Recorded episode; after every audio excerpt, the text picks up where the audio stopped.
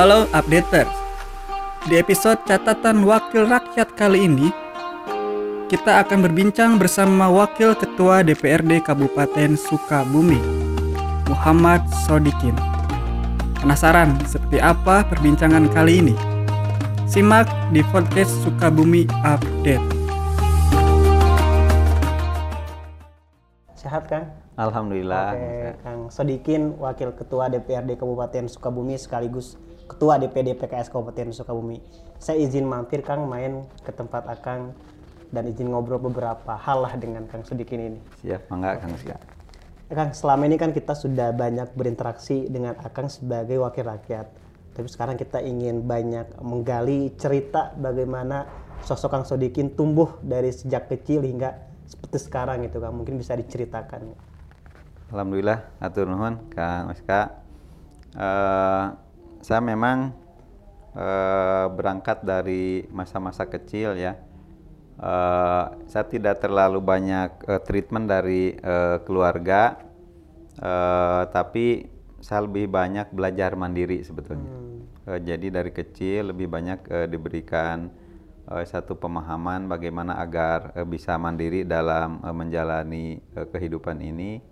Tapi ada satu hal yang sangat ditekankan oleh orang tua, eh, bagaimana jangan sampai lupa atau jangan sampai jauh dengan eh, Tuhan Allah Subhanahu Wa Taala. Itu yang menjadi pesan yang terngiang sehingga dari waktu ke waktu itu menjadi eh, pengingat saya. Itu barangkali. dan itu tetap eh, dipegang sampai saat ini Kang ya Iya, insya Allah. nilai yang disampaikan oleh orang tua Iya. tapi eh, sejak masa kecil apa didikan yang paling terasa karena mungkin banyak cita-cita yang dulu pernah di, diidamkan lah oleh seseorang Sodikin itu Sebenarnya kalau kalau cita-cita, sebenarnya cita-citanya itu sangat bagus, eh, sangat mulia, tapi sampai saat ini belum kesampaian. Saya punya cita-cita ingin menjadi penghafal Quran, Eh, tapi eh, mudah-mudahan cita-cita ini di, diteruskan oleh eh, anak cucu kita paling tidak kalau misalkan eh, sampai akhir hayat eh, belum kesampaian ya Eh, itu Eh, sehingga tadi eh, dalam hal penekanan dari pihak orang tua, dari keluarga yang paling inti itu bagaimana bisa eh, mandiri dan bagaimana kita tidak pernah eh, melupakan sang pencipta Allah Subhanahu wa taala. jadi pesan orang tua dan cita-cita Akang pribadi terintegrasi ya kalau bahasa sekarang Iya. ingin menjadi penghafal Al-Quran dan juga eh, pesan dari orang tua untuk tidak melupakan Tuhan yang Maha Kuasa, Betul, Tuhan betul. yang Maha Esa sampai hari ini. Kalau dari perjalanan pendidikan kan, Akang kan juga sarjana teknik kan ya, Iya. sarjana teknik mungkin sejak saat itu ada tidak eh, capaian yang ingin digapai gitu dari sisi profesi sebelum akhirnya terjun ke dunia politik gitu kan. Eh, dari sisi profesi ya, eh, ketika latar belakang saya di eh, teknik eh, pertambangan, eh, memang saya sempat eh, mengalami apa mengikuti profesi kerja di beberapa perusahaan di bidang pertambangan. Saya bahkan pernah juga di luar Jawa gitu eh, kerja di bidang pertambangan, Eh, walaupun akhirnya eh, karena memang saya waktu itu pasca ya sebelum di saat-saat kuliah sudah sudah banyak mengikuti diskusi-diskusi eh, kegiatan-kegiatan yang eh, bukan saja eh, berdiskusi masalah profesi ya masalah pekerjaan eh, tapi juga hal-hal yang lainnya masalah kebangsaan masalah nasionalisme masalah keislaman. Jadi eh, masalah profesi itu memang bagian yang eh, apa diperhatikan tapi tidak ansih masalah provinsi gitu Oke, Jadi tetap berjalan beriringan kan ya, antara keprofesian Akang dan juga eh, cita-cita lain di luar itu. betul Nah mungkin kalau bisa dibilang titik Akang merasa perlu berjuang dalam politik, tentu kan sebelum masuk politik praktis ada keresahan yang dirasakan oleh Akang dan menurut Akang itu harus diselesaikan. Itu kapan titiknya dan apa masalah yang Akang waktu itu rasakan gitu? Iya, eh, saya memang menemukan satu momentum ya, Kang Oska. Eh, ketika saya mengikuti berbagai kajian ya, eh, kajian keislaman, eh, tadi masalah kebangsaan, nasionalisme, bahkan tadi masalah-masalah yang hubungannya dengan profesi. Eh, saya berpikir terkait dengan eh, bagaimana sebuah perbaikan itu dilakukan dan diskusi yang eh, saya ikuti ada dua pendekatan, ada pendekatan struktural dengan kultural gitu. Nah, tapi saya melihat ini dua-duanya baik kultural maupun struktural kalau bicara ingin memperbaiki masyarakat, ingin memperbaiki umat, dua sisi ini tidak bisa dipisahkan. Nah, berangkat dari sebuah uh, kegelisahan dan renungan renungan itulah kemudian uh, saya juga bersentuhan dengan teman-teman yang uh, juga diskusi masalah-masalah politik gitu. Oh, oke. Nah, di situlah uh, bisa nyambung. Ketemu keresahannya ya Kang dengan teman-teman sejawat waktu Iya, itu iya. dan bisa tersalurkan dalam jalur yang benar insya Allah Insya gitu Allah. Kang ya. Kalau pertemuan dengan istri Kang, ini kan kalau bicara perbaikan masyarakat juga dimulai dari perbaikan keluarga. Iya. Itu seperti apa dan bagaimana saat ini istri mendukung Akang dengan aktivitas yang begitu padat? Ya, Eh, alhamdulillah eh, saya di apa ya diberi jodoh oleh Allah. Memang dengan proses yang tidak terlalu panjang, Kang Aska. Jadi eh, saya mendapatkan eh, istri, ya biodata istri, kemudian dalam waktu yang tidak lama, mungkin hitungan bulan ya, tidak mungkin tidak sampai satu bulan eh, dari tahu eh, sampai akhirnya eh, bertekad berazam untuk menikah dan alhamdulillah eh, proses waktu juga eh, saling pemahaman di antara kita eh, itu terbangun dan sampai hari ini alhamdulillah istri mensupport baik terkait dengan aktivitas saya sendiri baik urusan profesi urusan apa di organisasi maupun di pekerjaan di publik di politik itu ya. itu. Artinya istri termasuk sosok yang satu keresahan waktu itu sehingga sekarang menjadi partner yang kuat kan ya. Betul, kayaknya istri juga punya komunitas yang eh, mirip ya diskusi-diskusinya eh, sehingga ketika ditakdirkan bersama kita tidak terlalu banyak eh, perbedaan sesungguhnya. Eh, jadi banyak hal yang sama termasuk juga hari ini kita istilahnya eh, berbagi peran lah. Eh, istri memang hari ini lebih banyak eh, mendorong, menyemangati eh, saya dan lebih fokus juga bagaimana membina anak-anak. Eh, bagaimana peran-peran domestiknya lebih dikuatkan. gitu. Sementara saya mungkin peran-peran eh, publiknya yang lebih di- Kuatkan. dikuatkan. gitu. Kalau Akang masuk politik praktis tahun berapa Kang dan sampai hari ini menjadi pimpinan di Sukabumi pimpinan salah satu partai Kang? Saya memang eh, kalau diskusinya eh, diskusi tentang politik bahkan ada eh, partai politik waktu itu. Sejak eh, waktu itu Partai Keadilan ya. Eh, Partai Keadilan eh, berdiri eh, termasuk istri saya ikut ke acara deklarasi di eh, Al Azhar waktu itu di Jakarta. Jadi Tahun tahun 98 98 ya. 98 98 eh, PK PK didirikan waktu itu. Dan eh, secara kegiatan eh, kita sudah mengikuti dari tahun 98 jadi 98 sudah eh, ikut dan akhirnya kita di dalam kaderisasi dan juga di dalam struktur eh, mengikuti terus dan memang hari ini diamanahi sebagai eh, pimpinan eh, partai di Sukabumi ini. Oke siap. Sebelum lebih jauh kita bahas partai Kang, saya ingin membahas tadi tempat yang kita sempat datangi. Oh, itu saya lihat iya, iya. semacam ada bahan tempat pengolahan bahan tambang ya mungkin bisa Iya. dijelaskan itu bisnis atau apa gitu. Iya, ya eh, memang eh, dulu saya pernah eh, mengelola juga perusahaan yang eh, mirip dengan perusahaan yang sekarang eh, bergerak di bidang bahan tambang ya, eh, salah satu ininya eh, komoditinya geolit.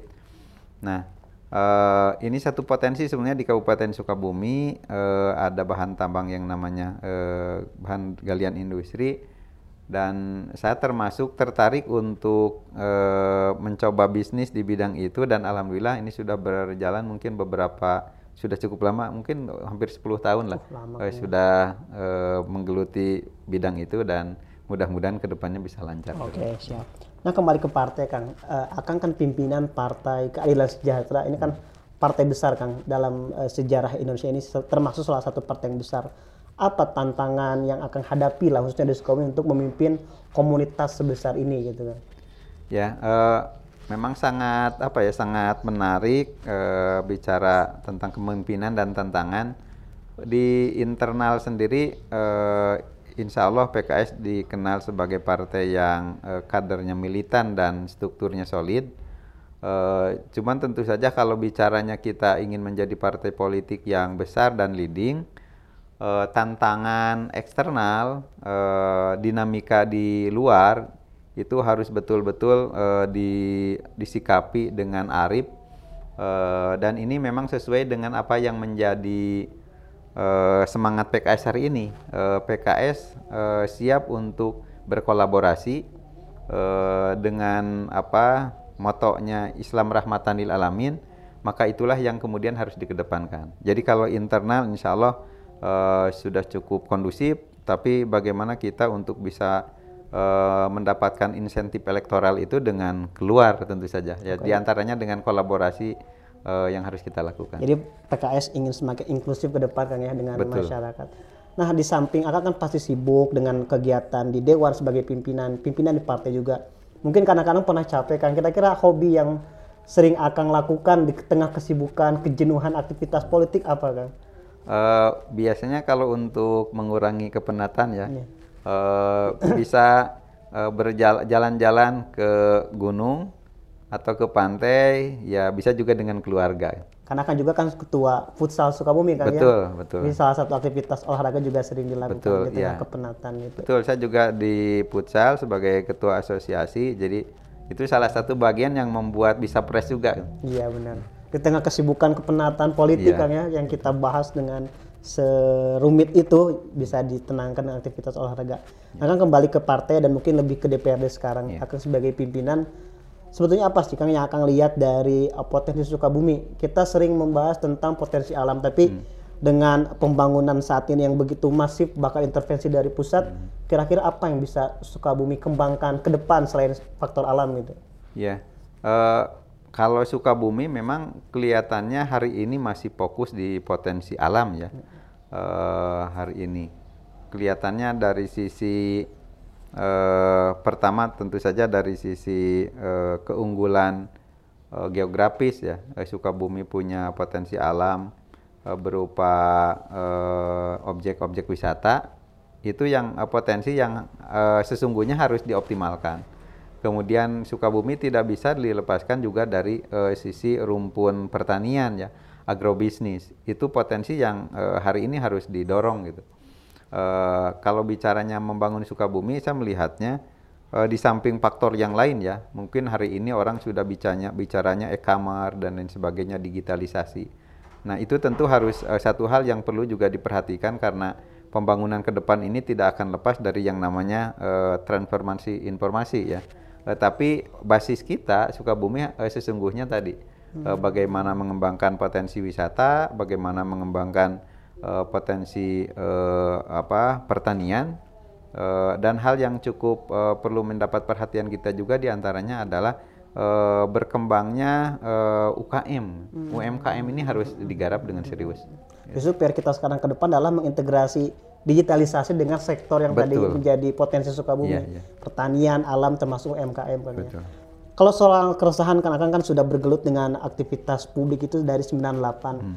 Ada tidak Kang satu keresahan yang dari dulu sampai sekarang belum selesai dan menjadi tantangan Akang untuk menyelesaikan itu minimal di tingkat Kabupaten Sukabumi gitu. Ya, Eh, saya secara pribadi memang dari dulu sampai sekarang ada yang masih menjadi ganjalan dan belum terjawab dan mungkin ini sebetulnya eh, sudah banyak contoh dilakukan oleh di zaman para sahabat bahkan. Para sahabat itu melihat kalau ada lubang yang eh, bolong ya jalan yang bolong berlubang itu merasa dosanya dirasakan oleh eh, sahabat itu. Eh, tapi saat ini saya melihat ya eh, mungkin secara pribadi maupun secara umum eh, peran kita ya baik saya secara pribadi maupun mungkin di pejabat publik pelayanan itu masih perlu ditingkatkan. Jadi eh, kalau ada eh, satu apa satu pesan penting khairunas ampa'uhum linas jadi sebaik-baik manusia itu yang dirasakan manfaatnya oleh orang yang lain, artinya ini sektornya aspeknya aspek pelayanan.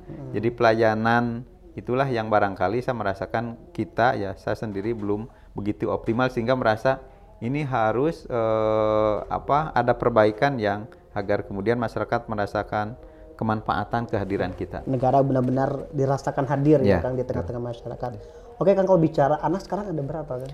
Anak alhamdulillah ada empat kan. Ada empat. Nah ini gimana didikan Akang kepada anak? Apakah sudah tanda petik didoktrin cinta politik dari sejak kecil atau Iya. biarkan mereka berkembang secara alami nanti menemukan jalan masing-masing. Ya. gitu. Eh, anak saya tuh yang paling besar sekarang eh, sudah eh, lagi nyusun skripsi ya. Yang pertama, yang kedua juga sudah kuliah. Yang ketiga, eh, yang keempat ini masih di pesantren. Eh, nah sebetulnya kalau dalam hal eh, didikan, memang saya tidak seperti halnya sebelumnya saya juga tidak terlalu ditekankan harus bagaimana ya diberi kesempatan diberi eh, peluang bagi mereka untuk mengembangkan dirinya pribadi walaupun kalau bicaranya keinginan personal saya pribadi inginnya anak biologis itu harus jadi anak ideologis gitu. harapan mah seperti itu tapi ya mungkin proses waktu juga eh, dengan eh, pola yang kita sampaikan ke mereka mudah-mudahan mereka bisa memahami tentang itu Oke, siap. Kalau sekarang Kang wajah politik yang akan lihat mungkin kalau kita boleh tanya satu kata tentang politik hari ini yang akan lihat itu apa Kang? partai Partai ya. Iya. Apa makna dari partai menurut Akang? Eh, partai perpolitikan kita memang tidak pernah bisa dilepaskan dari partai politik. Eh, jadi partai politik sebagai eh, pilar demokrasi kita ini hal yang sangat penting dan strategis. Justru partai idealnya bisa akrab dengan masyarakat kan ya? Betul. Apa dan termasuk juga generasi muda yang kadang-kadang masih apatis dengan partai justru harusnya tidak seperti itu. Ya. Karena partai menjadi saluran resmi untuk berjuang di alam demokrasi Indonesia. Kalau bicara tokoh politik Kang, idola Akang itu siapa kira-kira panutan gitu? Eh, M Nasir ya. Nasir, apa alasannya? Eh, beliau menginspirasi eh, kalangan dari beberapa generasi dan eh, memperlihatkan semangat eh, apa kebangsaan eh, bahkan re- religiusnya juga sangat dominan dengan diri beliau. Oke siap. Kang Sodikin, terima kasih banyak. Saya sudah bertamu. Nanti selain ini kita bisa ngopi-ngopi lagi dengan Sami-sami. beberapa momen lain yang lebih eh, nikmat lah untuk kita menikmati. Lagi terima kasih banyak kan sukses dan lancar selalu untuk aktivitasnya. Hatur nuhun pisan Kang Ustaz. Assalamualaikum warahmatullahi wabarakatuh. Cukup kan? Ada yang kurang nggak kira-kira? Eh, cekap sih kan Sikapnya? Aman. Siap. Aman gak gambar itu? Aman.